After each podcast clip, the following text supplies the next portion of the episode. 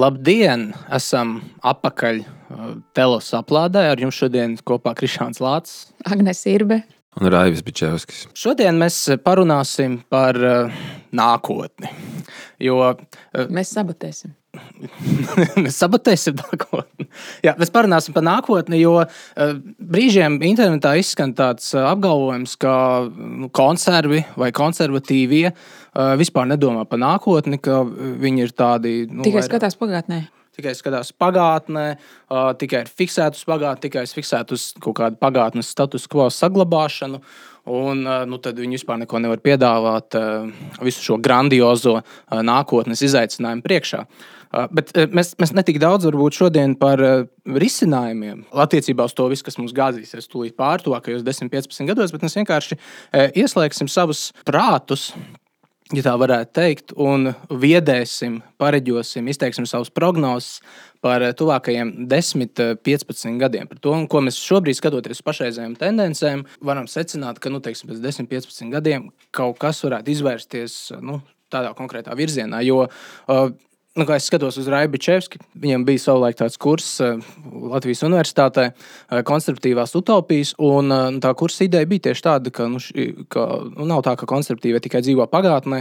Viņiem ir arī šis nākotnes vīzijas, nākotnes skati, nākotnes paredzējumi un prognozes. Un, protams, konkrētas tādas nu, jā, utopiskas vai politiskas programmas, kuras tad nākotnē ieviest, reaģējot arī uz kaut kādiem šā brīža izaicinājumiem, bet arī uz nākotnes izaicinājumiem. Vēl es atkal skatos uz Raibu Čevski un domāju par to, ka uh, nu, viena no galvenajiem Mārtiņa Heidegera pētniekiem Latvijā. Heidegera arī reizēm gribas uzskatīt par tādu konservatīvu domātāju, nosacīt. Bet tas, kas no Heidegera nāk līdzi, manuprāt, ir šī spēja domāt, vai vismaz vēlme domāt par visām trīs laika dimensijām.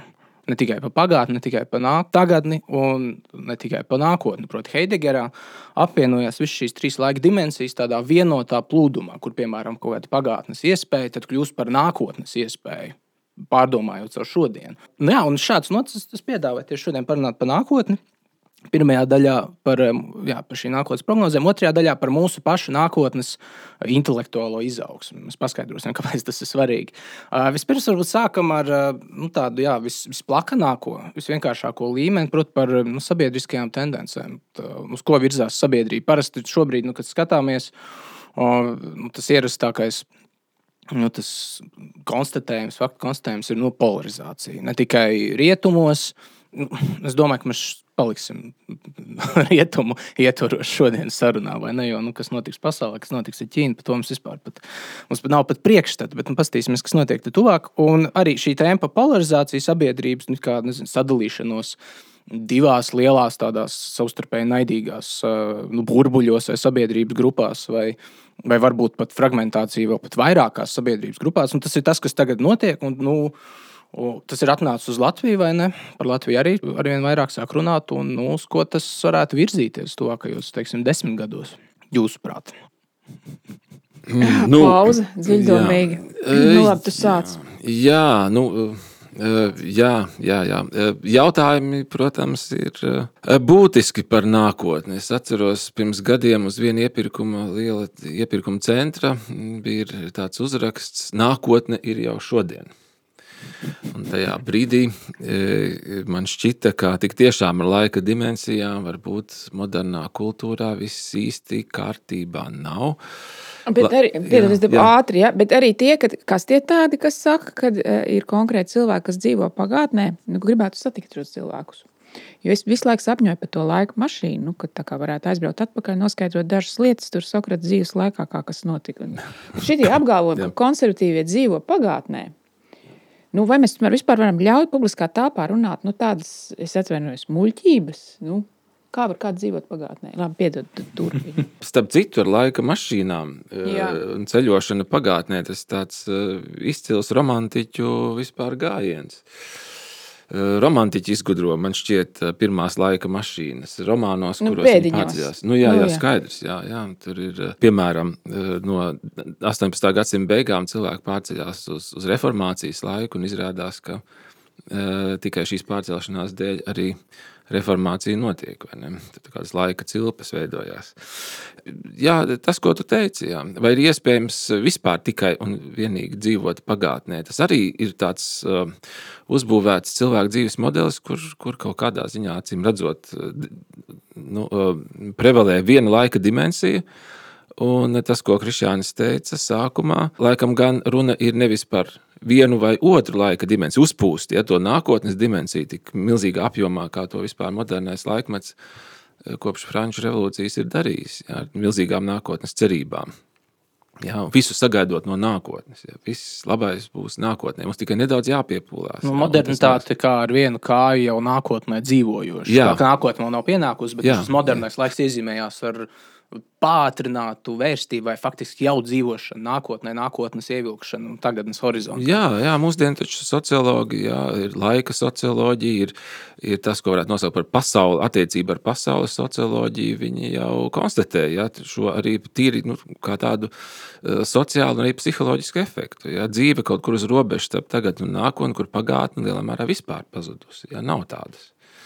Un, ja tikpat nu, varētu teikt, mēs nevaram iedomāties, un iedomāties mēs gan jau varam, bet tāda integrētas dzīves perspektīvā laikam gan būtu neiedzīgi iedomāties dzīvi, kas tikai pagātnē, jā, vērsta pagātnē. Mēs zinām, ka cilvēki daudz iegrimst atmiņās un kavējas tajās, un kādreiz pat mūža noslēgumu jā, runā, ka Tur vairs tikai atmiņas ir palikušas ne, no tās dzīves intensitātes, kas reiz bijusi. E, bet um, arī, arī, arī tur e, man šķiet neiztikt bez, e, bez tādu laika dimensiju atkal sakārtošanas un savienošanas, kas īstenībā arī būtu labas dzīves nosacījums. Bet, eh, bet labi, es varbūt radikalizēšu to savu jautājumu, ko es uzdevu. Proti, ļoti vienkāršošu. Proti, eh, atgriežoties pie sabiedrības polarizācijas, tas nu, apsūdzību varētu pat pārtulkot tā. Ir viena sabiedrības daļa, kur ir iesprūdusi pagātnē un uzstājusi dzīvošanu šajā pagātnē, un tad ir otra sabiedrības daļa, šie nu, jā, nu, progresīvie, kāds vārds ir jāizdomā vai ne jālieto. Progresīvie, uh, tie, kuri ir vērsti ar skatu nākotnē, kur tad, nu, grib kaut kādā ziņā uh, nu, saraut saites ar šo apspiedošo, ierobežojošo, nepilnīgo pagātni ceļā uz nākotnes pilnību. Proti, uh, bez mazliet nu, šī sabiedrības polarizācija, ko es gribēju jums pieteikt, kā nu, pārdomāšanai, izjautāšanai. Šī sabiedrības polarizācija parādās jau arī, nu, varētu teikt, tādās laika dimensijās. Divas tādas lielas socioloģiskās grupas, bez mazliet, kur tiešām viena ir uz nākotni vērsta, un viena ir uz pagātni vērsta. Vismaz nu, no Jā, nākotnes grib... protagonistu skatījumu. Nē, nu es tomēr gribētu to no, noraidīt. Vienu, proti, apgalvojumu vienu vērsti uz pagātni, otru vērsti uz nākotni. Es domāju, ka abas grupas nu, mēģina iecelt saulītē to dzīvesveidu, kurus viņas tieši, kuru viņas tieši arī dzīvo un ko uzskata par labu. Un, un tas, vai tas ir pagātnē bijis vai nav bijis, vai pagātne tiek idealizēta vai nē, tam nav īsti, nu, kā bieži pārmet konservatīvai pusē, ka viņi idealizē kaut kādu, es nezinu, viduslaikus vai kaut ko. Nu, man liekas, ka tas ir tas nav, pie, tas nav iebildums pēc, pēc, pēc būtības. Ja? Tas varbūt kaut ko pasaka par cilvēku interesēm. Jā, cilvēkiem interesē, kā pagātnē cilvēki dzīvojuši. Viņam interesē vēsture, viņi to pēta. Bet tas vēl neko nepasaka par to modeli, ko viņi eh, gribētu redzēt kā tādu, kas tiek ar likumu, un kultūras un izglītības eh, nu, rīkiem uzturēts spēkā kā labs. Ja mēs, ja mēs sākam strīdēties par to, ka viena ir vērsta uz nākotni, otra uz pagātni, tad mēs pazaudējam tos pašus jautājumus, par kuriem ir strīds. Tie visdrīzāk ir eh, morāli, politiski jautājumi, sociāli jautājumi, ja tie ir ļoti konkrēti un ir attiecas uz konkrētiem šobrīd dzīvi, dzīviem un nu, šobrīd dzimstošiem cilvēkiem. Ja. Krišjāni par, tiem, par to polarizāciju. Ja. Tas man liekas ir labs veids, kā iesākt šo sarunu Proti, jautājums ir, ja mēs nu, šeit pie šī galda mēģinām pastāstīt savas bažas un savas vīzijas par nākotni, salīdzinoši tuvu nākotni, vai ne? Šajā aplādē gribam runāt par laika posmu, tur nu, 10, 20 gadi.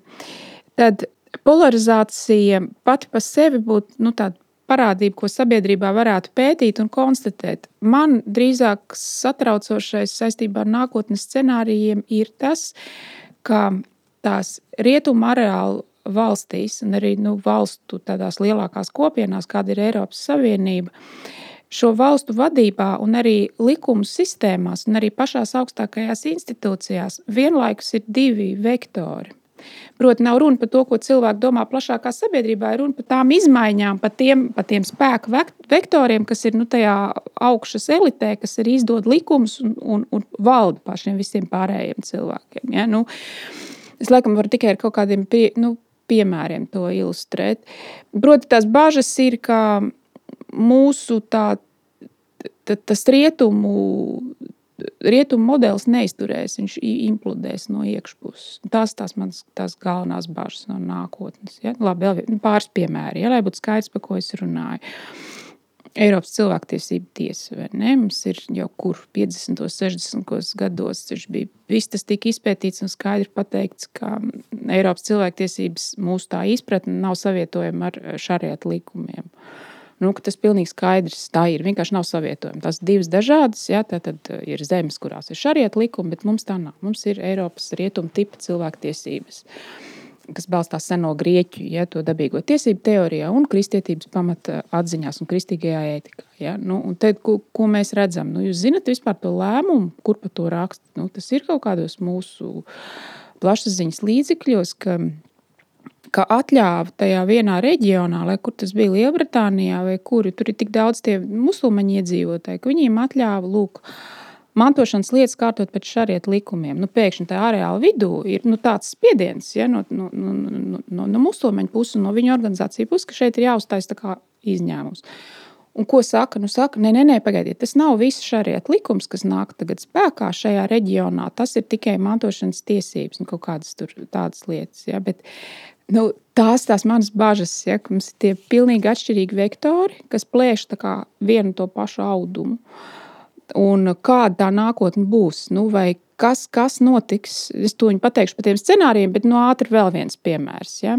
Vēl viens piemērs. 48. gada Eh, mūsu uh, cilvēktiesību deklarācija, ANO cilvēktiesību deklarācija. Tiešām nozīmīgs dokuments. Vajadzētu visiem viņu lasīt, pārlasīt, un tad varētu arī viņu kritizēt. Bet visiem vajadzētu to zināt. Tas ir nozīmīgs dokuments mūsu vēsturē. Uh, skaidri uzliek tiesības visām valstīm aizsargāt visu iedzīvotāju dzīvības. Ja?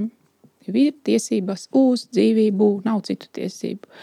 Un tas, ka mēs šobrīd esam 2021. gadā, Eiropas cilvēktiesība tiesa ja, un šīs augstākās cilvēktiesība institūcijas, mēs esam burtiski pussoli, tās durvis ir vaļā. Ja. No tiesībām tikt nogalinātam atzīšanām, ja, kas ir eitanāzija, aktīva eitanāzija un astādā pašnāvība. Tad mums ir tāds, nu, ko mēs veidojam. Mums tagad tas, tas vektors laužās iekšā un mums būs mums būs divas pilnīgi atšķirīgas izpratnes par tiesībām vienlaicīgi, nu, tā kā vienā likuma kodeksā. Es saprotu, ko es runāju. Ja? Un es, es baidos par to, nu, to implodēšanu no iekšpuses. Un tāpēc tie mani bažu scenāriji ir tādi. Nu, viņi ir divi. Viens būtu labais scenārijs. Labais scenārijs ir tāds, ka Eiropa ar to mantojumu, kas viņiem ir, nu, mēs tagad savācamies un atspiežam, atspiežam šariet likumus. Vienkārši piedodiet, mēs to nevaram. Ja? Uh, atspiežam visas tiesības uz nāvi, kā nesavietojams ar cilvēktiesību deklarāciju un, un mūsu, mūsu pamatprincipiem. Atspiežam arī visas šīs pašdefinētās dzimtes. Ja? Un tas arī tomēr ir ārprāts, kas notiek. Sekotam līdzi, tas liekas, ka nu, kā, kā varam nonākt līdz tam. Tad būtu labais scenārijs, mēs nospiežam šo, tas prasītu, nospiežam zemi, saka, nē, nē, nē, mēs apstājamies šeit. Ja? Mēs skaidri zinām, kas ir tiesības, mēs visas minoritātes nevarēsim apmierināt, bet mē, mums ir jādarbojas uz vienas platformas. Otrs scenārijs, ka tas neizdodas, un to mēs tuvākā laikā uzzināsim, ka tas varbūt neizdodas, neizdodas savākt ja, tos cilvēkus zem viena jumta. Tad, nu, tad, tad, manuprāt, tas nākotnes scenārijs ir tāds, ka mums ir daudz kopienu rietumi. Ja. Cilvēki ar šāriet likumu dzīvo te. Tad, tad blakus ir, teiksim, nezinu, kristieši vai konservatīvie izveidojuši nu, savu kopienu, kur viņiem ir savas skolas, jo viņi jau nevar, nu, kā mēs nevaram savienoties. Ja. Uh, Un tad mēs tur bez eitanāzijām, ja? mēs bez pašdefinētiem dzimumiem. Mēs tad arī, protams, bērnus izņemam ārā nu, no tām vietām, lai viņi nu, tā, ir saprotams, ko es saku. Jā, Ja? bet, Tad, nu, tas, nu, nu, šis ne, nu, negatīvais scenārijs, kas manuprāt arī izskatās reālāks, un tas pirmais Proti, tas otrais scenārijs, Jā, jā. ka būs div, vair, vairāk kopienu. Jā, jo pirmais, kas manās acīs izskatās utopisks. Uh, Otrs, Bet mēs cīnāmies par, par pirmo. Mēs cīnāmies, bet, uh, protams, šī pirmā scenārija risināšana paredzēta, ka mēs arī uzdot sev jautājumus, kāpēc mēs vispār esam nonākuši līdz šī, šai implozijai. Un, protams, tam es teiktu, ka konstruktīvi atkal baida cilvēkus ar vakarzemes norietu. Nu, tā implozija, par ko tu runā, tas ir tas pats, par ko Špenglers jau ir uh, savā ziņā runājis jau pirms simts gadiem. Jā. Un tad vienmēr būs tas arguments, ka nezinu, par uh, vakarzemes norietu runā jau 200 gadus. Norietēšana turpinās, bet nu, kā nenoriet, tā nenoriet. Lūk, lūk tur nezinu. Tur. Bet varētu arī būt tā, ka šī ir krīze, Kristiāna. Varētu arī būt tāds scenārijs, es neesmu viņu izslēgus. Ka, Kad es nezinu, brīti atmostās un saprot, ka viņu šis, um, kā to sauc, Gender Recognition Act ir tik ārprātīgs, ko viņi tur taisās pieņemt tagad parlamentā. Un tik ārprātīgs, ka e, nu, tā kultūra nevar pastāvēt. Nu, un ka viņi tagad to Nu, tad tas būtu tas pozitīvais, eh, varbūt pozitīvais no krīzes, ka ir sasniegt kaut kādi griezti, kur eh, nu, ir iespējams virzīt pretējā. Jā, nu, protams, ka sociālais konstruktīvisms ir nonācis tādā absurda stūrī, un ka tad visi tā atmostās un saka, labi, nu, ziniet, šitā laikam tomēr nevarēsim dzīvot. Nu, tad virzamies atpakaļ. Jā, nu es, es gribētu tad tur piebilst varbūt pāris lietas, um, kas izriet, izriet īstenībā no, teikt, visa modernā laika iekšējās loģikas. Ja mēs te varam nu, nu, tā ļoti nosacīt un tomēr runāt par kādām aktīvām sabiedrības grupām, kas aizstāv tos vai citus uzskatus un, un uh, interesējas par uh, arī zinātņu atziņām un, un, un seko līdzi vispār sociālpolitiskam kaut kādam procesam. E, Bet uh, nu, sabiedrības ļoti liela daļa vai lielākā daļa drīzāk ir, nu, kā lai saka, pilnīgi pakļauta un, nu, varētu teikt, nu, tā kā gandrīz vai tādi ķīlnieki palikuši, modernās kultūras ķīlnieki, ja modernās kultūras, kur ir raisījusies vai izraisījusies tomēr lielā mērā kā tāda vēlmju radīšanas un vēlmju apmierināšanas kultūra. Ja, tad, kad vairs nav pavisam uh, tāda droša un stabila uh, nu, tāda pasaules uzskatiska pamata, tad vienīgais, kā cilvēku lielas masas sabiedrības var savākt, ir iestāstīt šiem cilvēkiem, kādas vēlmes viņos ir un kādas vēlmes vajadzētu apmierināt. Un šīs vēlmju loģikas, kas pavada visu moderno kultūru, tātad, ja, piemēram, sauklī, ja, kā mums ir tik daudz iespēju. Dzīvē jā, jārealizē tik daudz iespēju. Ja. Tad šīs iespējas, uz kurām tiek fokusētas cilvēku dzīves un, un cilvēku aizrautībā, tā kā nu, savā ziņā tādā amoka skrējienā, arī dodas iespēju realizācijā, jā, iespējas jā, nokļūt uh, pasaules otrā malā, jā, dažu stundu laikā, sasniegt jā, kaut kādus um, dabas uh, objektus, jā, par kuriem pirms tam, pirms kādas paudzes tikai varbūt kāds bija dzirdējis. Jā.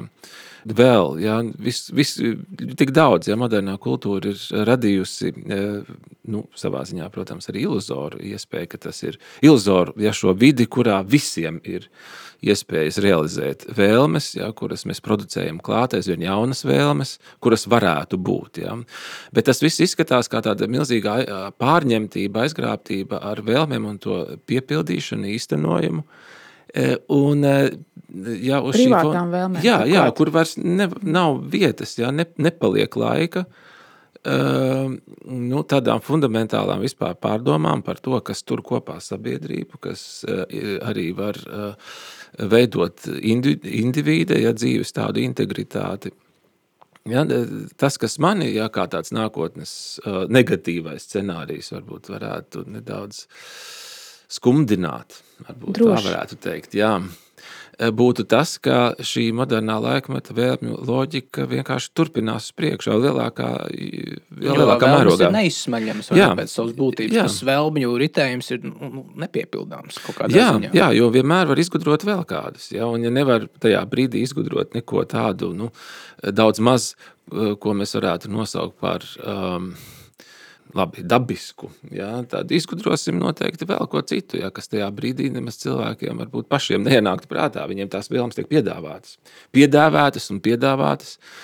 Un, nu, tas, kas mani, mani skumdinātu, būtu, ka šī modernā laika loģika vienkārši turpinās un tā tālāk, bezgalīgā vēlmju loģikā, nekad vairs arī neatgriežoties pie jautājuma par Eh, jā, par eh, sabiedrības kopējo dzīvi un par individu dzīves integritāti.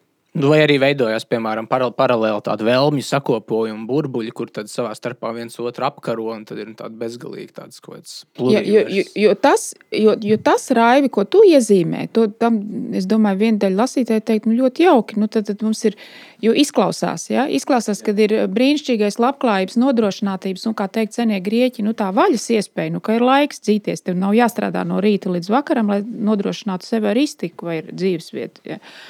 Un kad visi tikai eh, nu, sēž šajā pļavā, apmierina savas vēlmes, nu, tas, tas, ne, tas, tas, tas vēl būtu scenārijs, kur cilvēkiem liktos, nu, labi, tāds diezgan pasakls, jā, kā Platons teikt, valsts cūkām, jā, bet, nu, labi, lai dara, ja sēž savā pļavā. Bet mēs, nu, es satraucos par to, ka tā pasaule tomēr ir un cilvēks tomēr ir tāds, nu, tāda skarba vieta, ja, un tas, tas, tas, tas skarbais, tas mugurkauls tur ir. Un, ja viena milzīga kultūra ar senām saknēm sevi novājina tik tālu, ja, ka nu, ne tikai tas, ka viņi ir uz izmiršanas robežas ar saviem e, nu, dzimstības rādītājiem, ja vienkārši tie strauji sajūg, nu, sarūk un cilvēki tikai noveco. No tāda vesela pens, pensionāru apkopšanas tādu, nu, civilizāciju mēs šobrīd veidojam, ja, jo dzimstība ļoti zema.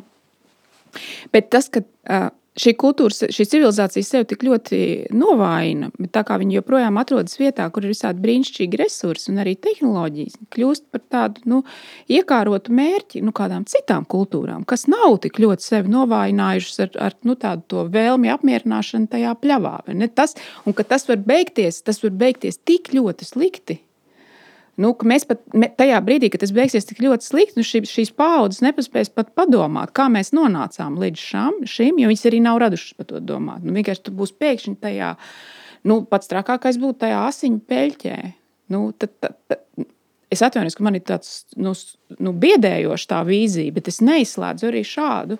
Nē, nu šis ir interesanti, ka nu, jā, šī, nu, es to nosaucu tādu bez, bezgalīgās potenciālitātes nākotni. Uh, varētu novest līdz asiņu peļķiem, bez mazliet, vai ne? Saskaroties ar citiem, kur teiksim, potenciāli tāds, vai kā Agnēs teikt, spējību, spējīgums vairs netiek tik uzsvērts. Bet tas ir interesanti, jā, ko Raivs stāsta, jo protams, šī vēlme un vēlmes ir arī nu, kā, jā, bezgalīga, ies, bezgalīga tāda iespējamība lauks. Un, un ja mēs pagriežamies tādā nedaudz metafiziskāku kategoriju nākotnē, tāds James Šindlers tieši raksturo modernitāti kā lielāku potenciālitātes uzsvēršanu uz aktualitātes rēķina, jeb, nu, kā mēs latviskotu, lielāka spējīguma uz spēju. Uzsvēršana pār īstenotību. Jā, iz, spējības uzsvēršana pār īstenotību. Proti, un, un, un tas ir baigi interesanti. Šī, šī tēze man kaut kādā ziņā pirmajā brīdī likās kontraintuitīva. Tāda, tā, ka, ka modernitāte jau raksturo tādu nemitīgu aktivitāti. Nemitīgi kaut kas ir jāsasniedz, jāiekaro jauni augstumi, jāizlido uz citām planētām,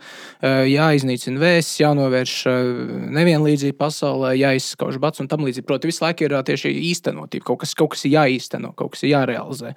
Bet, nu, lūk, Šindlers diezgan labs amerikāņu Notre-Dame Universitātes filozofs tieši to metafizisko pavērsienu redz tajā, ka, uzsver, ka modernitāte vairāk uzsver šo nu, spējīgumu, jeb ja potenciālitāti. Nu, kas, manuprāt, sasienās kopā ar to, ko tu saki par šo vēlmju neizsmeļamo horizontu. Jo, nu, man liekas, jā, nu, ja mēs koncentrējamies visu laiku uz bezgalīgu tādu potenciālitāti, nu, dažādām vēlmēm, kuras mūsos ir iespējams neizsmeļamas, tas tieši tā, tas ir neizsmeļams horizonts. Bet, lūk, Un tad es jums iespēju nākamo jautājumu, ko mēs arī šajā sadaļā varbūt vēl varam paspēt ap, ap, apspriest. Uh, šīs bezgalīgās spējības uzsvēršana kaut kādā brīdī, tas pozitīvais šobrīd ir, ka tiešām var at, at, atsisties pret kaut kādiem griestiem. Nu, ka, nu, jā, aktualitātes vai īstenotības grieztiem. Jo nu, no, no klasiskās metafizikas skatu punkta lietai ar konkrētu būtību viņai nav bezgalīgs vai nespējība daudzums. Proti, gumijas bumba nevar pēkšņi kļūt par kluci, proti, te, nu, par, par dzelzceļa kluci. Tāda spējība nav ielikt iekšā.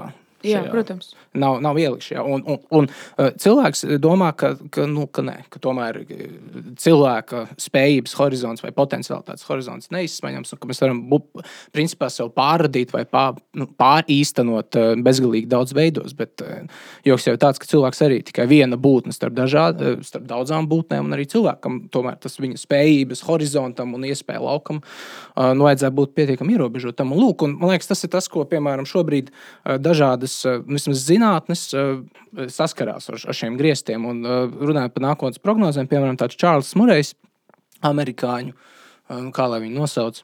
Nu, jā, sociologs, bet sociologs, kas izmanto dabas zinātņu metodes, to varētu tā pateikt.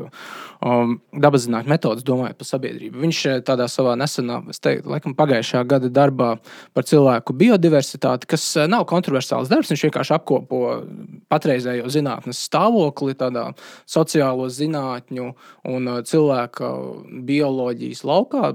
Šajā krustpunktā viņš secina, ka, ka nākotne eh, šajā zinātņu laukā ir diezgan laba. Viņš, protams, kritizē visu sociālo konstrukcionismu un tam līdzīgi, bet viņš saka, ka šī pieeja, kas ir valdījusi sociālajās zinātnēs pēdējos 20, 30 gadus, viņa bezmaz vai viņa prāt, Čārlis Mureja prāt, jau ir uh, iemetama vēstures mēslēnē, jo jau pavērās uh, tāds bezgalīgs, nu, atkal bezgalīgi iespēja kā horizons uh, sociālajām zinātnēm, tieši izmantojot ģenētikas un bioloģijas metodas, jo proti ģenētika.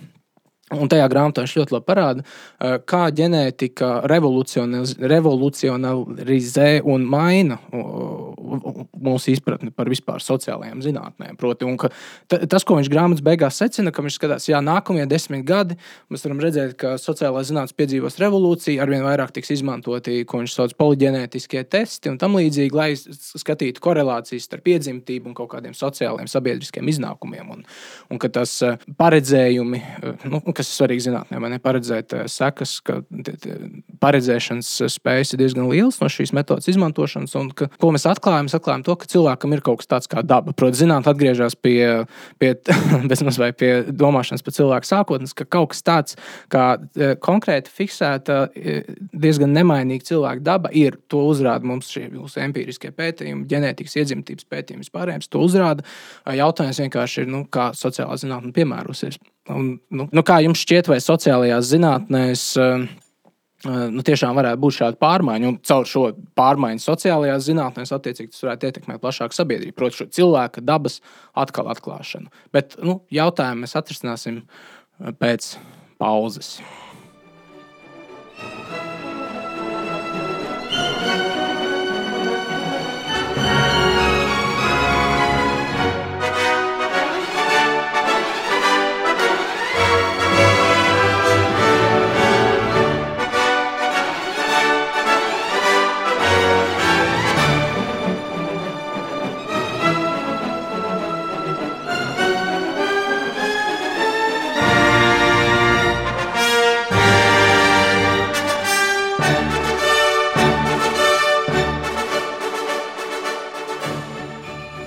Esam atpakaļ, es vēlreiz noformulēšu skaidrāk jautājumu, ar ko mēs ā, iepriekš ā, beidzām. Proti, ā, zinātnes, nu, tādas dabas zinātnes, teiksim, bioloģija šobrīd tā pretenzija tāda, ka mēs atgriežamies vai no jauna atklājam cilvēku dabu, ka cilvēkam ir kaut kādas fiksētas viņa iedabas konstantes, šajā gadījumā ar dabas zinātnisko prizmu saistīts ar noteiktām iedzimtības kategorijām, kuras nosprauž cilvēku iespēju loku.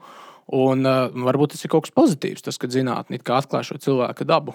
Ne, Jūsuprāt? nu, Nu, kā cilvēka daba. Viņi jau neatklāja, zinātnē, neatklāja cilvēka dabu filozofiskās antropoloģijas nozīmē. Nu, tajā, ar ko mēs strādājam, nu, ar aristotelisko paradigmu vai kantiānisko paradigmu. Tas nav tas.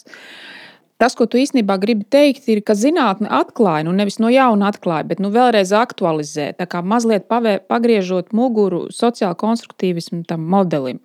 Atklāja kaut kādas iedzimtības lietas. Ja? Nu, es nezinu, vai tās ir tīri ģenētiskas, kas ir iegūtas no saviem vecākiem un no savas ģimenes, bet iespējams arī saistīts ar rasi, noteikti arī saistīts ar dzimumu. Ja? Nu, tad šīs atšķirības starp sievietēm un vīriešiem. Tā.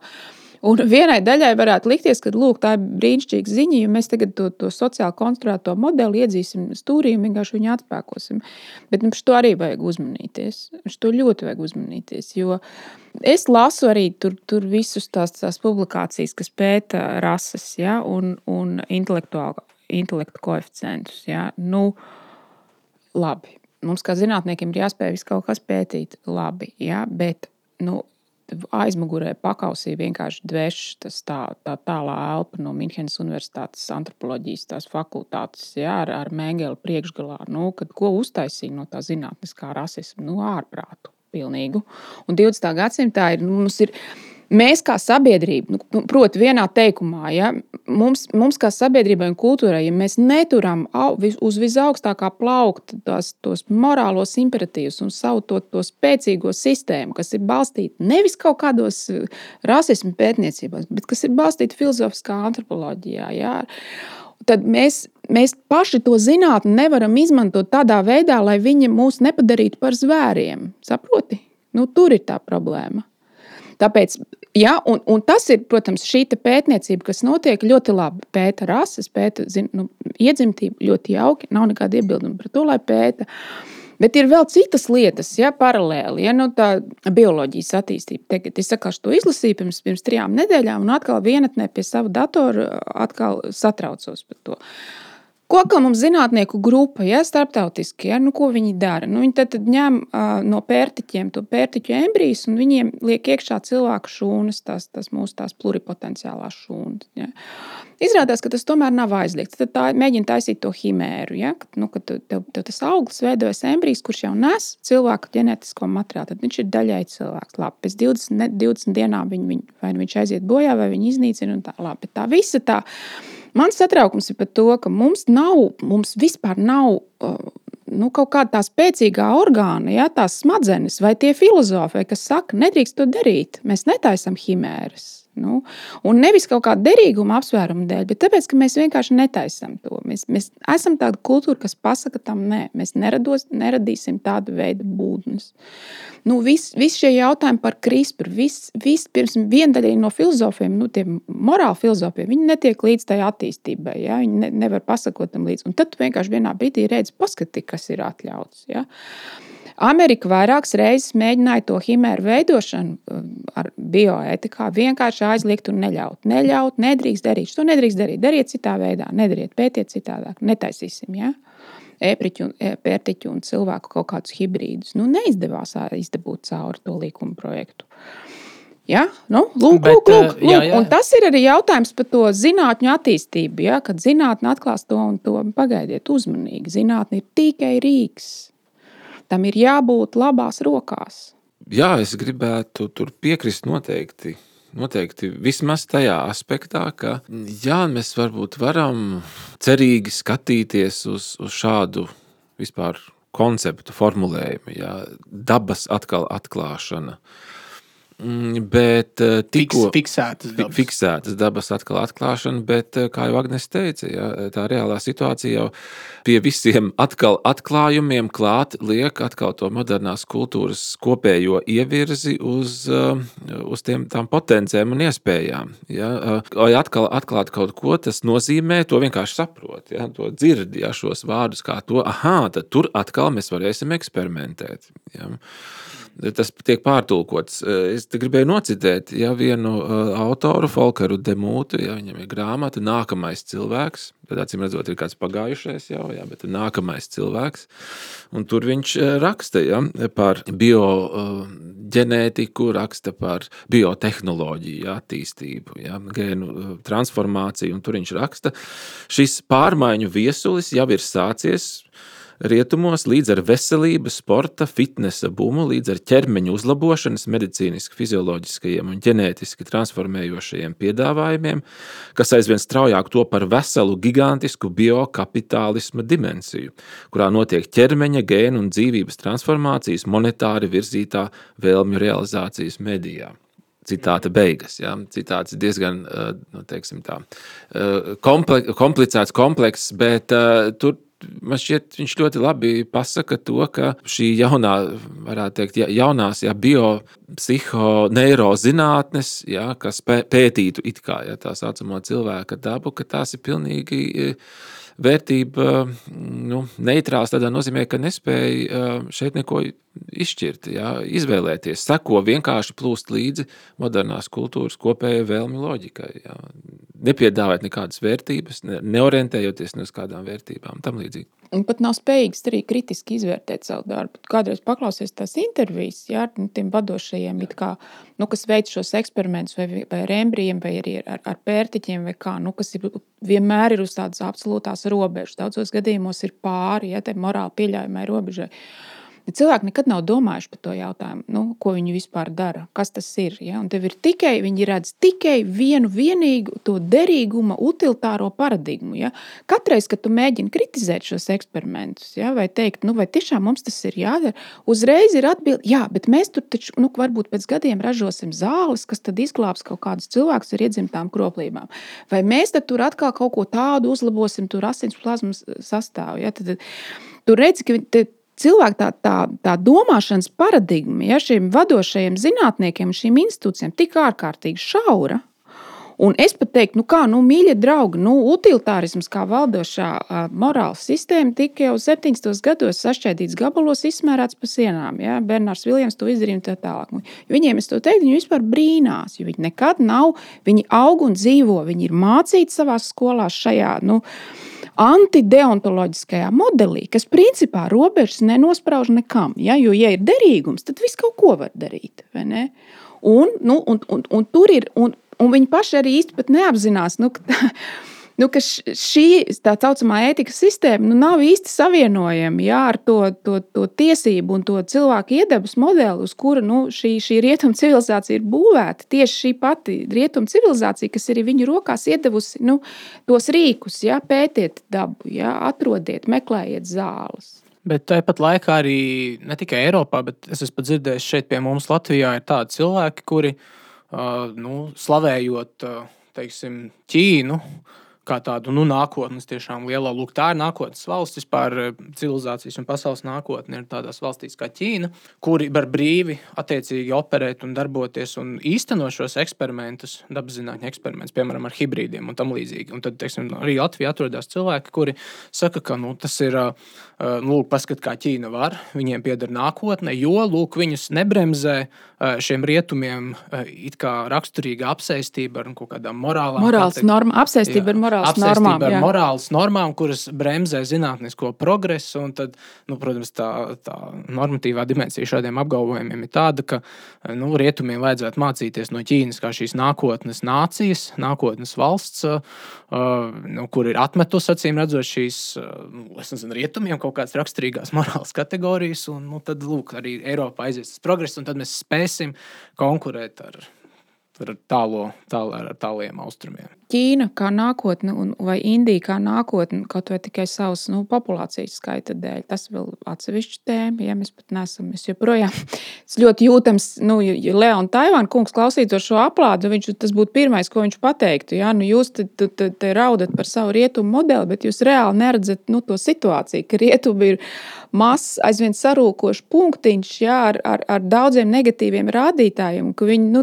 nepaliks tajā pozīcijā, ka mēs iedomājam, ka joprojām nu, tā pasaules vai civilizācijas sirds ir kaut kur nu, šeit, starp Berlīnu, Londonu un Parīzi, nu, no turienes staro, un tas tā vairāk nav. Labi, tas būtu pirmais. Ja.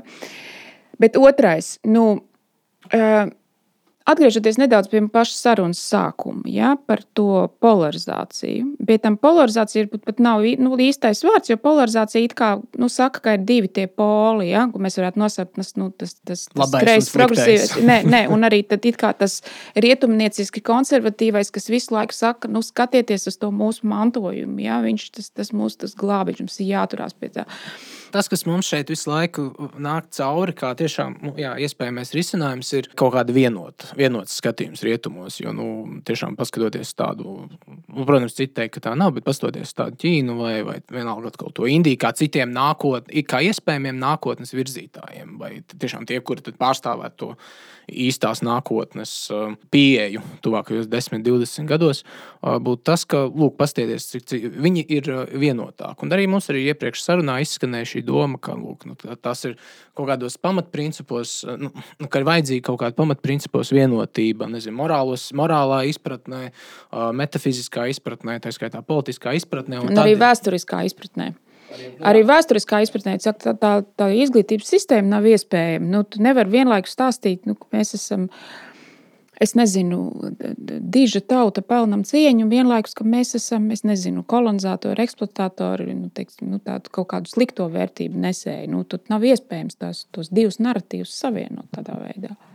Nu, lūk, un, ja, ir, ja, ja mēs domājam atkal, nu, kā savākt uh, kopā šo visu lielo dažādību un pretējās traumas rietumos, nu, kā jau iepriekš teicu, es neredzu uh, vispār pat, pat iespēju, kā to varētu darīt. Protams, vēsturiski, kā tas ir noticis, un to mēs redzam, teiksim, Ķīnā, varbūt arī kaut kur Indijā un citās valstīs, kā tiek nodrošināts šis sabiedriskais konsensus ne jau no apakšas uz augšu, tā ļoti Jā, vienkārši no izsakoties, bet no augšas uz apakšu. Proti, politika, likumi, valsts vara iemieso kaut kādu šo noteiktu redzējumu par to, ko valstī vai pat nezinu, civilizācijai vai cilvēkam kā tādam ir jāvirzās. Tad tas tiek kā, caur likumiem, caur institūcijām, caur nezinu, sabiedriskām struktūrām, skolām vai ne, izglītības iestādēm novirzīts tālāk, izplatīts tā, nezinu, sabiedrībā, tautā un tam līdzīgi. Un rietumos, vai ne, nu, labi, mums pirmajā brīdī šķiet, labi, šī rietumu valdošā politiskā forma, liberālā demokrātija, ka šī forma atšķirībā no teiksim, citiem modeļiem, kas ir pasaulē pieejami vai kaut kur vēl ir izdzīvojuši, ka šī liberāla demokrātiskā forma proti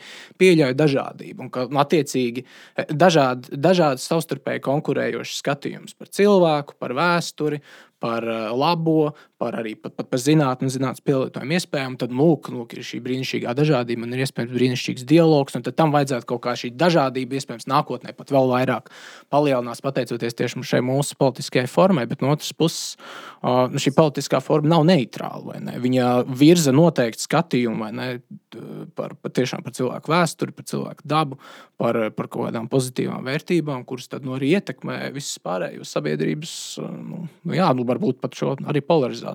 Jā, es ļoti īsi. Ja? Un tad, un tad rājus, mums ir vēl arī tas, mēs Kaut vai tā pati Latvija, ja, bet Eiropas Savienība arī tas ir raksturīgi viss nu, kopš, kopš pirmsākumiem. Ja, ļoti, ļoti augstu vērtējam pilsonisko to iesaistītību. Un pamatot, ja, mēs to arī ņemam no tiem seno grieķu modeļiem, ja, un tas mums ļoti patīk, jo tas ir anti-padomi modelis, anti-nacistiskais modelis. Mums ir cilvēki ļoti iesaistīti. Bet mēs esam pazaudējuši tās to, to kritiskās izvērtēšanas spējas un tik ļoti sajūsminamies. Latvijā tas arī tāds jaunākais jāimzirdziņš pēdējos desmit gados, cik brīnišķīgi ka ir izveidojusies tāda jauniešu grāsrūtas organizācija. Ja? Es nezinu, kā grāsrūtas ir Latvijas, bet, un, protams, no saknēm. Un cik brīnišķīgi, ka viņi tur visi ļoti aktīvi un taisa tos flyers un, un cīnās par to savu lietu, kas nu viņiem tur ir pie sirds. Un tā, un mēs to tā, tā, un tā viņi noteikti gada beigās dabūna arī tur balvas par pilsonisko aktivitāti. Un, tā.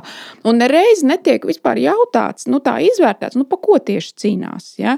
Nu, kas tas ir? Narkotiku legalizācija. Nu, pa, nu, kas ir tas, pa, pa, ko grib, kas ir tas, tas mērķis? Ja? Ir, ir tāds uzsvers uz to, cik ļoti labi, ka jaunieši un pilsoņi ir aktīvi. Ja? Nepadomājot par to, ka. Nu, Ja tas, ko šie cilvēki prasa, kļūtu par nu, visas valsts oficiālo politiku, kas dažās valstīs ir nu, tā arī noticis, ja, kas ar to valsti un to sabiedrību pēc tam būtu? Ja tur mums trūkst kaut kādu kontrolas vārstuļu pa vidu. Nu, kur šie kontrols vārstuļi varētu eh, atrasties? Nu, ja mēs skatāmies uz Eiropas uh, Savienību un uh, arī tām vīzijām, ne, kas paredz, ka Eiropas Savienība vienmēr no augšas, ja, tad uh, saaugs aizvien vairāk kopā, ja, uh, kas lielā mērā ja, šīs vīzijas, kas ir vērstas uz Eiropas Savienību kā vienu, ja, ar ārpolitiku, beigās ar iekšpolitiku, ar kādām vērtībām, tikai kādām. Ar vien ciešāku savienību. Kādām. Jā, tikai kādām. Tad uh, tie vārstuļi kādreiz varētu teikt, tomēr ir bijuši, lai cik uh, vēsturiski arī nu, neviennozīmīgi, bet tie ir bijuši val, nacionālo valstu līmenī. Tad, ja, nu, es gribētu, nezinu, Šarlote de Gaulle, ja, tēvzemju Eiropu tomēr vēl atgādināt par šo konceptu, ja, Eiropa un tās vērtības, kādas vērtības, tas ir viens, un tomēr šīm vērtībām vienmēr vajag pastarpinājumu, vienmēr vajag kādu konkrētu vidi, ja, un tās vides ir nacionālo, nacionālās kultūras, Eiropa nacionālās kultūras, daudzās Eiropas ja, nacionālo kultūru prizmā, kuras tomēr e, šajās nacionālo kultūru prizmā e, kopējās e, vērtības spēja interpretēt, tas ir nu, padarīt joprojām dzīves.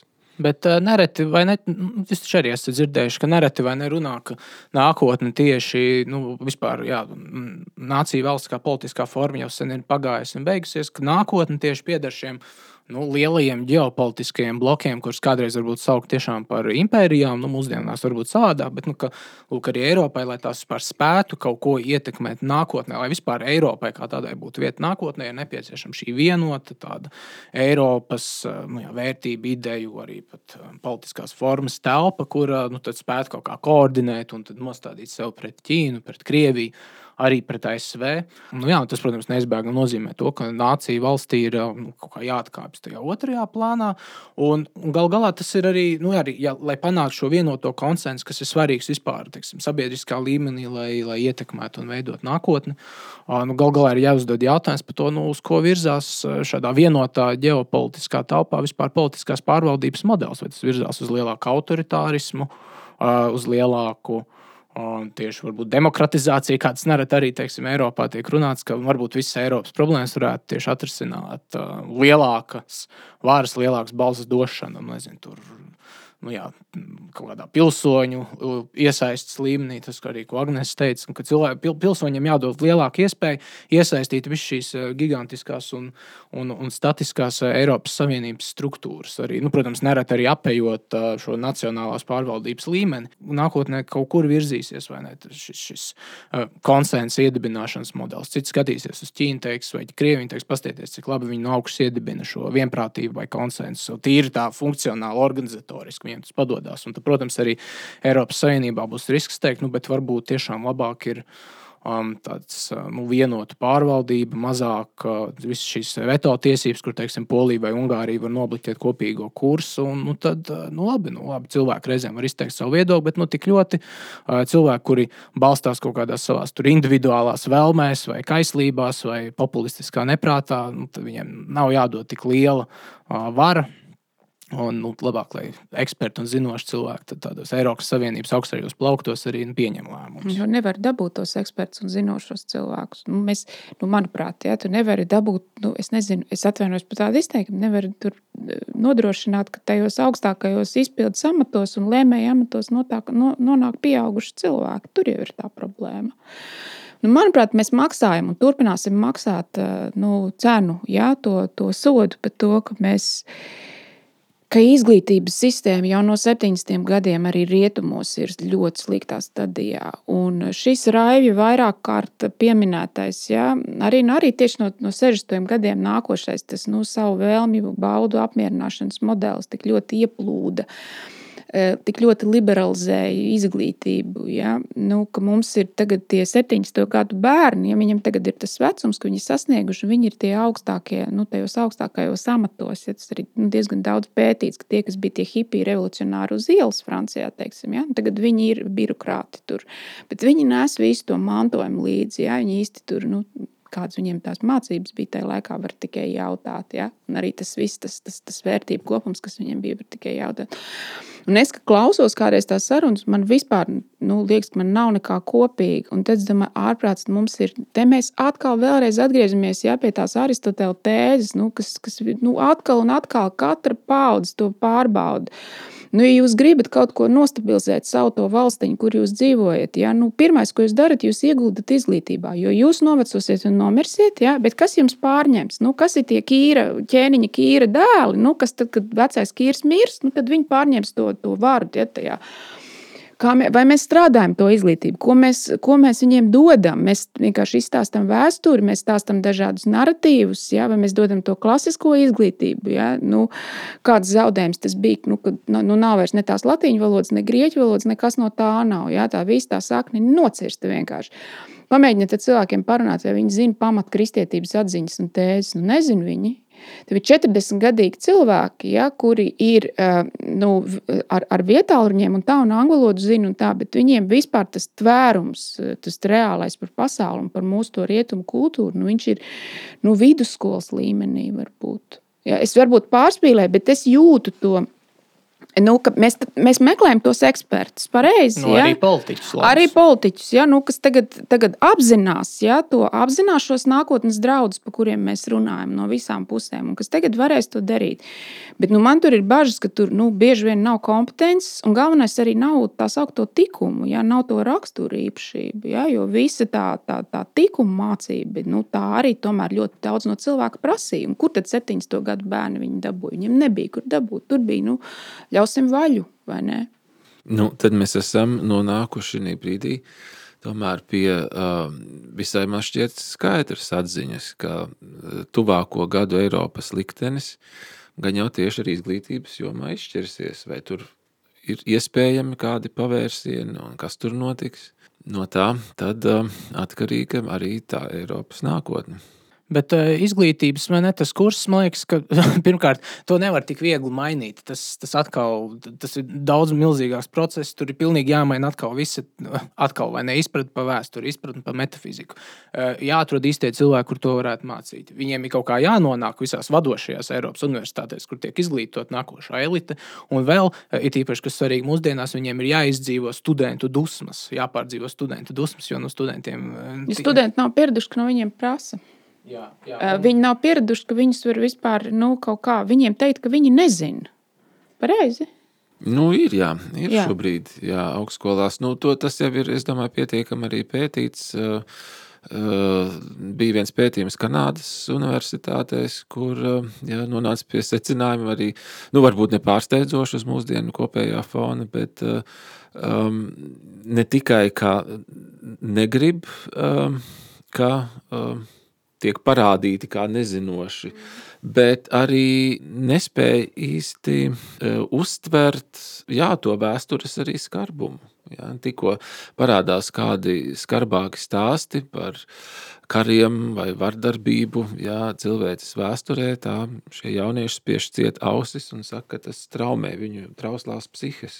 Un, uh, Un vai ne, tad mēs esam izaudzinājuši šādu jauniešu paudzi, un kur tad runāt jā, par asiņu peļķiem, ja viņi ģības tūlīt nost. Nu. Nu, jā. Nē, nu lūk, un tas, ko es vienkārši gribu teikt, ka ja mēs projicējam tuvākos desmit gadus, nu, kāds jau revolūcijas izglītības nozarē nenotiks, mums būs jādzīvo ar to lēmumu sakām, kuri, teiksim, izglītības un arī pedagoģijas un arī izglītības satura jomā tika pieņemti 70. un 80. Un tad, nu, nu, mēs, nu, kas tiks gal galā novadīts šajās izglītības iestādēs? Nu, ekspresīvais individuālisms, ko daudz kritiķi domā, tiks novadīts arī emotīvisms, vai ne? Proti, šī atziņa, ka tas, ko es jūtu, tas ir labi, proti, labais tiek vienkārši noreducēts nu, kā ētiska kategorija līdz manām individuālām sajūtu vai gaumas preferencēm. Kas vēl? Terapeitiski, morālistiskais deisms. jā, un tāds, tas viss tiek, eh, eh, vai ne? Tas viss būs izglītības iestādēs, līdz ar to mums neizbēgami jārēķinās. Jā, bet, bet es, jā, jā, jā, jārēķinās. Bet, uh, Man liekas, diezgan aktuāli šobrīd vispār. Un tas uz Latviju attiecās, un tas vēl jau vairāk attiecas tāpatās uz Ameriku un uz Eiropas Savienības valstīm. Mums būtu jāspēj vismaz tik daudz, ka mēs tās savas pilsoniskās tiesības spējam nostiprināt tādā veidā, ka mums ir atļauts man ar Raivi un tevi ja, veidot savu privāto skolu, privāto gimnāziju, kurā likt nu, mūsu bērnus. Ja. Jo, jo citās valstīs arī to, kā, par to ir arī jācīnās. Par to, ka, lai tu kā vecāks ja, savus bērnus pasargātu nu, no kaut kādas ietekmes, ko tu redzi kā ļaundabīgu, ja, vai tu vari viņam nepiekrist šai mācību virzienam, vai nepiekrist šai kaut kādai ja, nu, izglītības programmai, un tā vietā nodrošināt kaut kādu alternatīvu. Saprot, mēs esam tajā līmenī. Mēs cīnāmies par to, lai tie cilvēki, kas nepiekrīt, un kuriem liekas, ka šis virziens, tevis uzskaitītais, ja, ir graujošs virziens, kas var vispār sagraut to kontinentu, ja, tā kā mēs viņu esam pazinuši ja, pāris tūkstošu gadu, vai viņiem ir iespēja getoizēties, lai vismaz. Nu, Labi, vārds getoizēties ir pārāk spēcīgs, bet vai viņiem ir iespēja nu, dabūt sev to alternatīvu, sev un savām ģimenēm un savām kopienām nelielajām? Bet, nu, lūk, tas ir jautājums no manas puses par to, nu, vai jums nešķiet, ka nākotnē tomēr arī tādos Eiropas Savienības vai vismaz rietumu ietvaros nevirzās pretī lielākam autoritārismam, ka gal galā šis konsensus, jebkurā gadījumā, tiks ieviests no augšas. Teiksim, tuvāko 510 gadu laikā mēs redzam, kā kaut kāda vienprātība tiek no augšas ar politiskajām struktūrām potēta. Kādēļ, piemēram, šādi uh, disidentiski anklāvi, protams, ir nepieņemami. Mēs, tas, mēs to redzam arī ne, ASV. Uh, tas ir proti, tas tavs. Uh, Agnēs, tavs, tavs paredzētais negatīvais scenārijs, ka veidojās kā anklāva, bet arī ASV šie dažādu vērtību grupu anklāvi netiek pieciesti tādā ziņā, ka jā, viņi ir tiesas procesos, jā, nepārtraukti ar valsti. Tev jābūt nu, tomēr ļoti spēcīgiem nerviem, lai tu to varētu. Nu, bija tā, tā, tā, laikam, tā kristiešu grupa, tā bija kongregācija vai kā kā viņas bija Sisters of the Poor. Sisters of Mercy. Sisters of Mercy, ja, viņām ir tas, nu, laikam, Eh, katoļu kongregācija, kurai pieder eh, slimnīcas un, un sieviešu, sieviešu ginekoloģiskās aprūpes centri, un viņiem valsts spiež, ka viņiem ir tajos savos sieviešu aprūpes centros jābūt obligāti novietotiem nu, kaut kādiem kontracepcijas līdzekļiem, bukletiem, jābūt pieejai mākslīgai grūtniecības pārtraukšanai. Tā. Un viņi saka, nē, nē, nē, mēs esam katolieši, mēs neliksim savā tajā klīnikā šos materiālus, un mēs sievietēm nu, nepiedāvājam šādus. Ja. Un, iedomājieties, viņi jau cik gadus tiesājās ar valsti, jo principā viņi ir likuma pārkāpēji tev ir viena izglītības sistēma. Ja, tas tas, ko tu runā, nu, tas, ko mēs baidāmies, ja, tā, tā polarizācija izraisa to anklavizāciju, bet tie anklāvi Viņiem būs grūti pastāvēt vienam otram blakus, vienā politiskā sistēmā, zem vieniem likumiem, zem vieniem likum, likuma kodeksiem. Jo nu, politiskā tā, sistēma nav neitrāla. Jo politiskā sistēma nav neitrāla. Viņi nostāsies vai nu šīs, šīs brīvības, šīs izvēles brīvības pusē, ja, šai, šai kristīgajai nu, klīnikai, ja, vai arī, nu, kad nē, nu kā visur, jā, visur jābūt sievietēm vienai aprūpē. Nu, kāda tur kaut kāda izņēmuma? Bet, eh, nu, labi, Raiba, kā tev šķiet, vai pārvalde tuvāko 10, 20, 15 gadu laikā virzās uz lielāku uniformizāciju? Nu, es to nosaucu vienkārši par lielāku autoritārismu. Nezinu, Ķīnas modeli Eiropas kaut kādā īstenojumā. Nu, lūk, un tur jau sadurās varbūt ja, tas, ko mēs varbūt vēlētos. Un tas, ko varbūt mēs novērojam, kā pretēji ja, mūsu nezinu, vēlamajam, ja, tam, ko mums šķiet, ka tas piederētos pie labas dzīves. Um, tur tāda pretruna radās, bet nu, es domāju, ka nevajadzētu vēl mest plinti krūmos un teikt, ka valsts līmenī kauja jau ir izcīnīta ja, un zaudēta.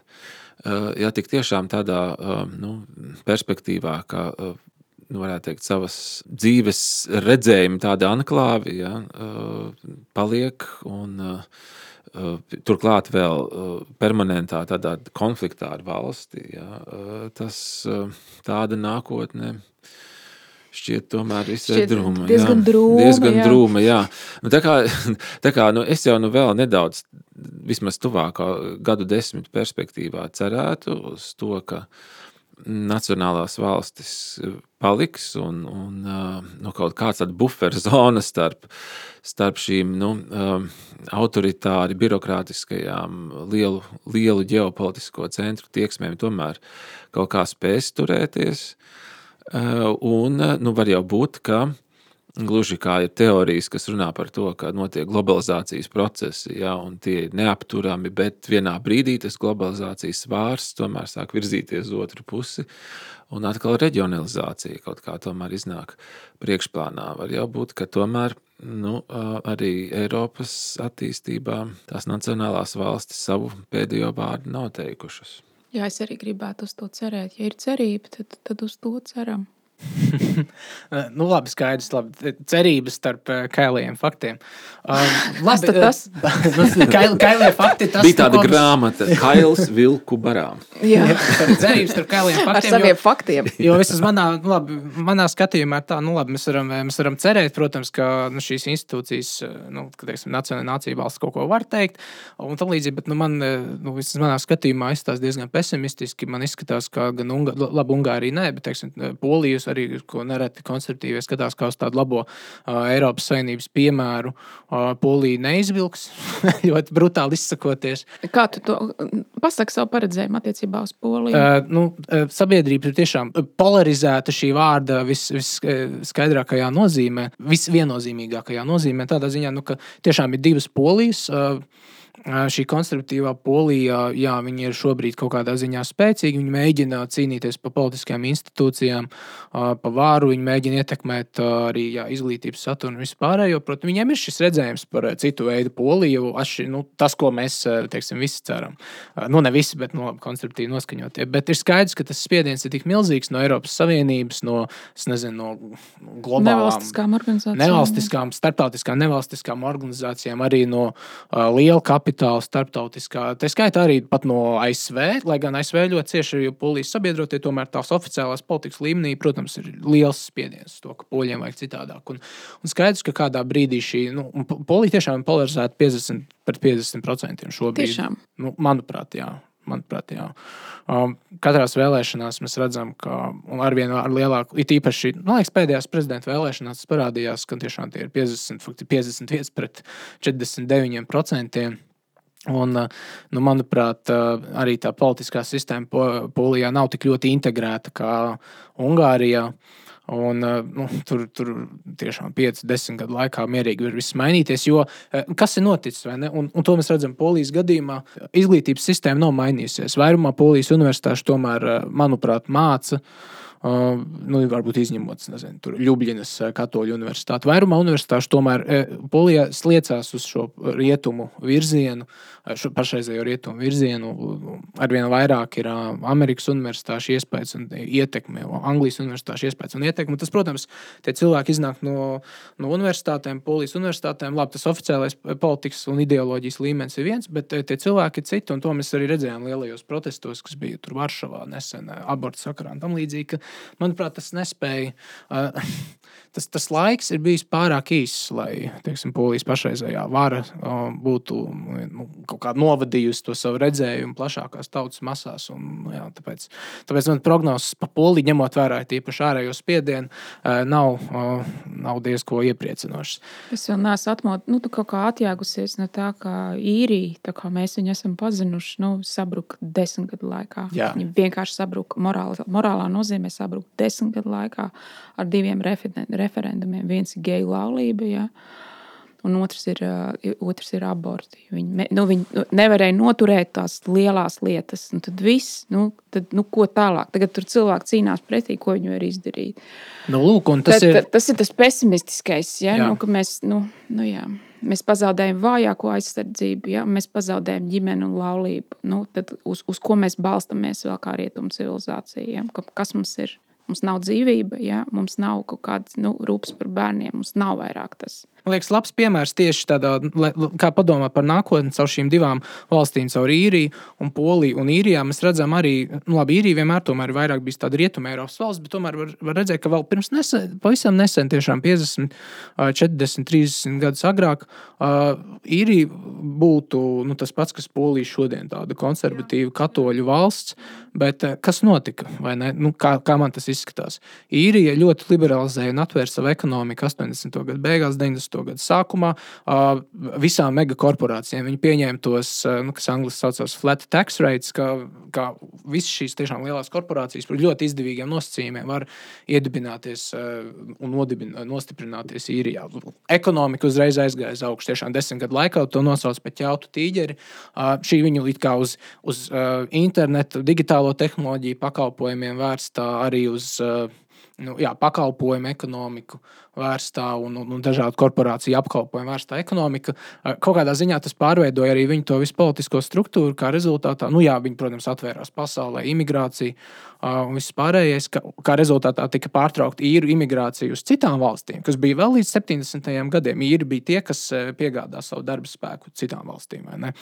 Tas mainījās, bet nu, kas notika arī politiskajā formā, proti, šī atvēršanās pasaulē, ekonomiskās pārticības iegūšana, nu, rezultāts ir tas, ka īrijā šobrīd ir tas, ko Agnēs teica. Un, un, un tāpēc es uztraucos arī par Poliju. Un, un tas varbūt, protams, izklausās ļoti cietsirdīgi no tāda konservatīvā cilvēka, konservatīvā cilvēka skatu punkta, ka nu, jūs gribat, lai cilvēki dzīvo nabadzībā un kaut kādā tādos, nezinu, 19. gadsimta. Polija ne tu nedzīvo nabadzībā. Nu, nabad, nu, tur tā līnija, bet tā tur jau tas joks, ka Polija arī tev, pēdējos 10, 15 gados, es atceros, es braucu arī 90. un agrāk uz Poliju, un tā bija tāda nu, jā, nabadzīga valsts vienkārši izsakoties. Bet šobrīd Polija tiešām ir ļoti attīstīta infrastruktūra, iespaidīga uzņēmuma, iespaidīga ekonomika, Varšavas cenas vispār, tie debeskrāpji vispārējais. Bet nu, tieši tāpēc, skatoties uz šīm visām tendencēm, cilvēki izsaka bažas par Polijas iespēju noturēties nākotnē tieši šajā konservatīvā vērtību jomā. Un, nu, tāpēc Un tāpēc es uztraucos. Nu, par pol polijas situāciju diez vai es daudz ko varu, daudz ko varu piebilst. Kaut kādā jā, mērā es tomēr teiktu, nu, skaidrs, ka dažādās Eiropas valstīs ir dažāda atšķirīga situācija. Ir jau tendences un, un kaut kādas kustības, partijas un idejas, ja, ko mēs redzam darbīgas arī nu, tā saucamajās lielajās, ja vecajās rietumu valstīs, vai ne Francija, nu, arī, nu, arī Vācijā. Austrijā un, un gan jau arī citur. Es gribētu teikt, ka tā politiskā cīņa par uh, Eiropas nacionālo valstu likteņiem nu, visdrīzāk nav noslēgusies. noslēgusies nu, tā tomēr nav tā pilnīgi un totāli ja, noslēgusies. Un, Kā iespējams pavērsiens. Nu, jā, ja man prasītu, ja, kur tad ir tās indikācijas vai ne? Nu, tagad to varbūt būtu grūti tās nosaukt. Mm, bet. Tu domā, indikācijas, nu, kaut kas labs, vai ne? Jā, jā, jā. jā. Kaut kas labs, jā, kaut kas labs Eiropā arī notiek, vai ne? Jā. Jā, runāju jau, protams, šodien arī par politikas galu. Jā, vispār kā politikas galu, tā tad jā, kaut kāda globālā ekonomika, jau globālais ekonomiskais tīkls, lielās korporācijas. Proti, ka nauda jā, svara jebkurā gadījumā jā, nomāk uz politisko. Varu. Jā, jā, jā, ka politiskās varas, visi politiskās varas tāds entropija, tad izsīkums. Jā, drīzāk vērojams, bet, nu, Es domāju, ka tā cīņa par politiku vēl nav. Ka nākotnē vēl ir atvērta. atvērta labi, un. Labi, un tagad noslēdzot šajā sadaļā par mums pašiem, kā mēs tīri intelektuāli savā dzīvē, nu, mēs vēl izdzīvosim šo nākotni, vai ne tuvākos 10, 15 gadus. Proti, kā mēs intelektuāli savā dzīvē grasāmies risināt vai izdzīvot cauri, proti, kas ir tās mūsu intelektuālās problēmas, kuras mēs šobrīd varbūt risinām, lielā mērā reaģējot arī uz to, kas notiek apkārt vai ne. Vai nu, labi, personīgajā dzīvē, bet mūsu personīgā dzīve ir daļa no šī lielā stāsta, kas notiek mums apkārt, un nu, kur mēs tieši sev saredzam nu, pēc pieciem, desmit gadiem. Nē, rāvi tu sāc. Nu, šis noteikti ir viens no grūtākajiem šodienas jautājumiem, es gribētu teikt. Nu, Pirmām kārtām gan jau nezaudēt tādu intelektuālu drosmi. Uh, jā, nenolaist rokas. Uh, to par sevi. Jā, nu, nu, jā tā tu jautāji. Arī, un, um, un nu, es domāju, ka liels um, tāds izaicinājums ikvienam, kas uh, nodarbojās ar, ar, ar, ar, ar um, apcerīgām tēmām, ar mēģinājumu ielūkoties ja ne tikai cilvēka dabā, bet arī jā, vēstures gaitā, ka tās liels izaicinājums vienmēr ir Eh, būt diezgan godīgam pret sevi un arī pateikt, ko īsti pats domā. Un es domāju, tāda, nu, tādā tikumu, varētu teikt, mācības nozīmē būt pietiekami godīgam pret sevi. Tas nozīmē arī būt pietiekami godīgam pret apkārtējiem, tik tiešām teikt – ko domā. Ja e, domas mainās, e, tad būt pietiekami arī uzmanīgam pret pašu, nu, varētu teikt, intelektuālu attīstību un, un šīs izmaiņas arī arī nofiksēt. Ja? Citiem vārdiem, tādu intelektuālo godīgumu es sagaidītu no sevis. Vēl lielāku, pieaugušāku, vai ne? Nu, jā, jā. Jā, nu es nu, vispār. Nu, Mēs esam vismaz divi kristieši, vai ne? Kristiāni, mēs te nu, eksplicīti. Eksplicīti kristieši.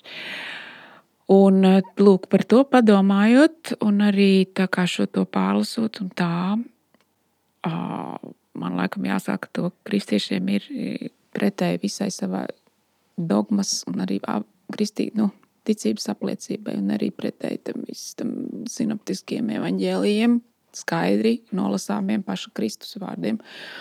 Mēs dzīvojam un arī aplātstāsim tā, it kā mums nu, kā ir priekšā tas nākotnes ceļš. Tad mēs domājam, nu, 30 gadi noteikti ir, vai ne? Nu, jā. Varbūt līdz 90 gadiem aizvilksim, kā. bet nu, tā nu, mums, kā kristiešiem, tā mācība ir pilnīgi skaidra. Kristus atgriezīsies, tas var notikt jebkurā brīdī. Ja, šī pasaule visa tiks noslaucīta. Tas, kā te viss izskatās, tagad studija un tā tālāk, lampas karājās, kafijas, viss tas tiks noslaucīts. Ja? Mirušie celsies augšā no kapiem, visi mirušie kopš, kopš pasaules sākuma, ja? un tiks tiesāti ja? par saviem darbiem. Pareizi, Tā ir standarta dogma. Tas nav kaut kāds viens interpretācija. Tie paši Kristus vārdi, ka tas tā būs. Un, un tas var notikt jebkurā brīdī. Tas var notikt pēc četrām sekundēm. Tagad man ir jautājums, kurš tam ir gatavs? Raivi, tu esi gatavs? Četras sekundes tev ir, un tad viss tas beigsies. Tā stunda nāk un ir jau klāta. Kā zaglis naktī. man liekas, ka neviens nav gatavs. Kristiāna, tu jūties gatavs? Mm, jā. Labi, Kristians ir gatavs. Es neesmu gatava. Es neesmu gatava divās nozīmēs. Es pati neesmu gatava, bet pie tā es vēl strādāju. Bet man visvairāk ir tas, es jūtos tā, ka es neesmu sagatavojis savus bērnus. Kad, nu, kad tā var būt. Nu, es vispār neesmu sagatavojis savus bērnus. Es neesmu sagatavojis savus bērnus arī tam, ka es varu izbeigties pēc četrām sekundēm. Ja nav, es neesmu viņiem to iedevusi. Tāpēc Es nezinu, kā cilvēki klausās šīs aplādes, bet īstenībā mēs, nu, ne, labi, mēs satraucamies un arī lasām morāli un, un visu kaut ko tādu. Bet īstenībā mēs runājam par sevi. Tas arī jāpasaka. Nu, Tie kristīgie konservatīvie lasa tos prediķus sev. Tas ir pirmkārt man tas prediķis. Nu, tā nevajag dzīvot, vajag dzīvot citādāk. Nu, tā. Ja, vajag domāt citādāk, vajag iztaisnoties, izteltoties. Nu, tā Atbildot uz Krišāņa to lielo jautājumu par to intelektuālo attīstību, man pēdējos gados tāda sajūta, ja man Dievs dos to laiku vēl dzīvot, nu, piemēram, man ir kaut kādas tādas dekādas priekšā. Es noteikti visu laiku nebūšu tik ļoti pilsoniski aktīva, kā es esmu šobrīd. Jo es esmu šobrīd, varbūt nu, man ir tas vecums, ja starp 40 un 50, tas, tas aktivitātes laiks. Visu laiku tas neturpināsies, pieliks punktu. Man ir sajūta, ka, ja, nu, ja tas laiks būs, tad es, eh, es domāju, ka es kaut kā virzīšos vairāk tādā, es nezinu, neoplatoniskā, kristīgi neoplatoniskā virzienā. Ja tur ir kaut kādas tādas tēmas, ko es neesmu izzinājusi. Es esmu nopirkusi tās grāmatas un sakrāvusi sev mājās istabā.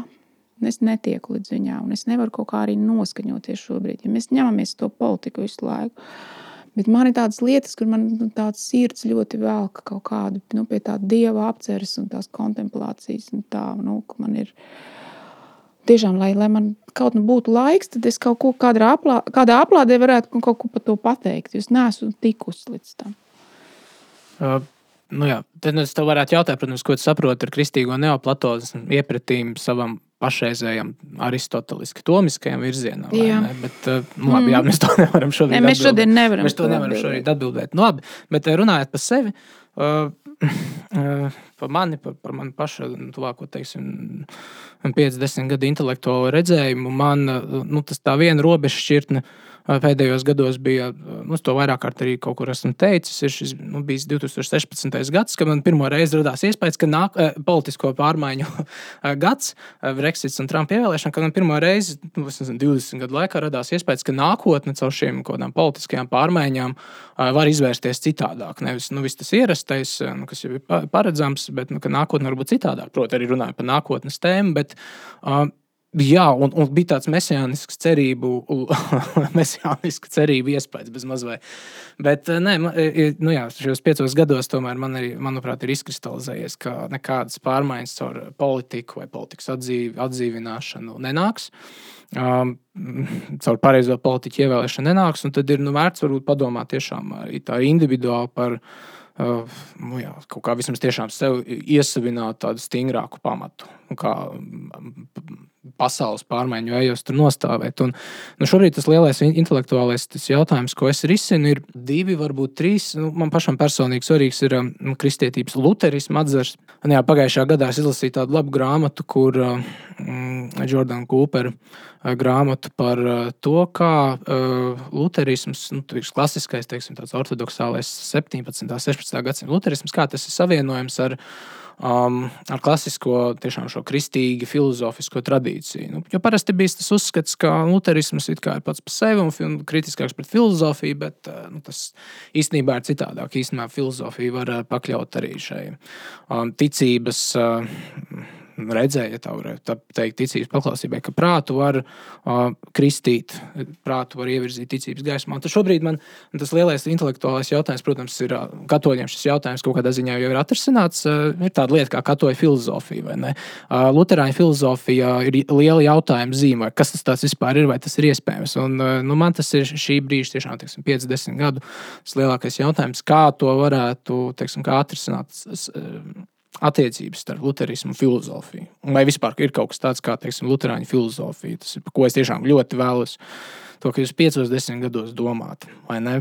Nu, vai teiksim, Kirkegors ir luterāņu filozofs, vai uh, Johans Georgs Hāmans ir luterāņu filozofs. Un, ko tas vispār nozīmē? Un, un ko tas nozīmē arī nezinu, individuāli? Ko tas nozīmē gal galā arī Latvijai, kurā vēsturiski luterisms ir spēlējis uh, diezgan lielu lomu? Tas būtu viens tāds jautājums, proti, tradīcijas atgūšana, luteriskās tradīcijas atgūšana un saprāšana uz rietumu filozofijas fona.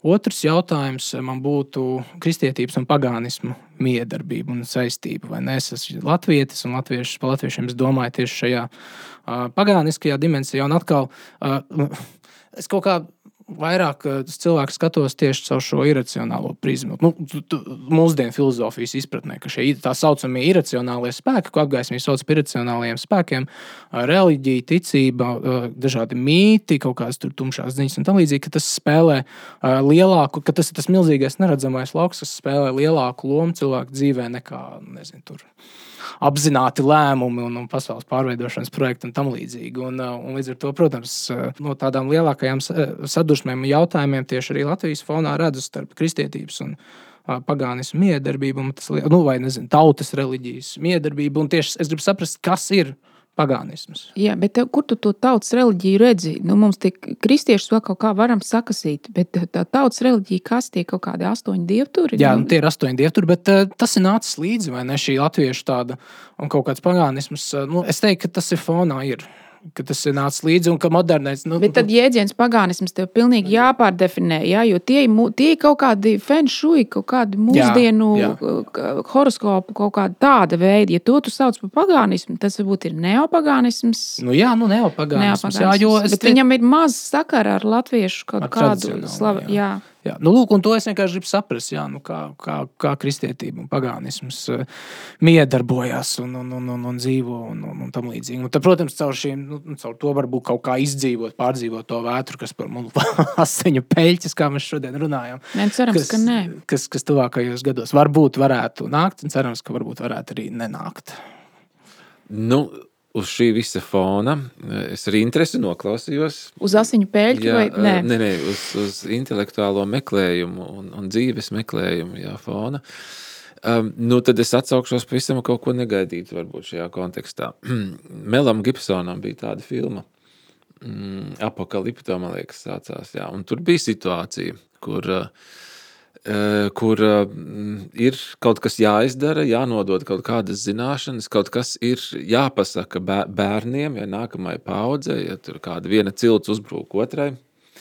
Un tagad, ne, eh, jā, tas viens tas, tas cilts, nezinu, viņš bija virsaitis, citiem vārdiem, tas tēvs stāv tur, jā, un vispār viņam e, pie kakla jau pielikts cirvis, ne, un viņš redz, ka viņa dēls to visu vēro.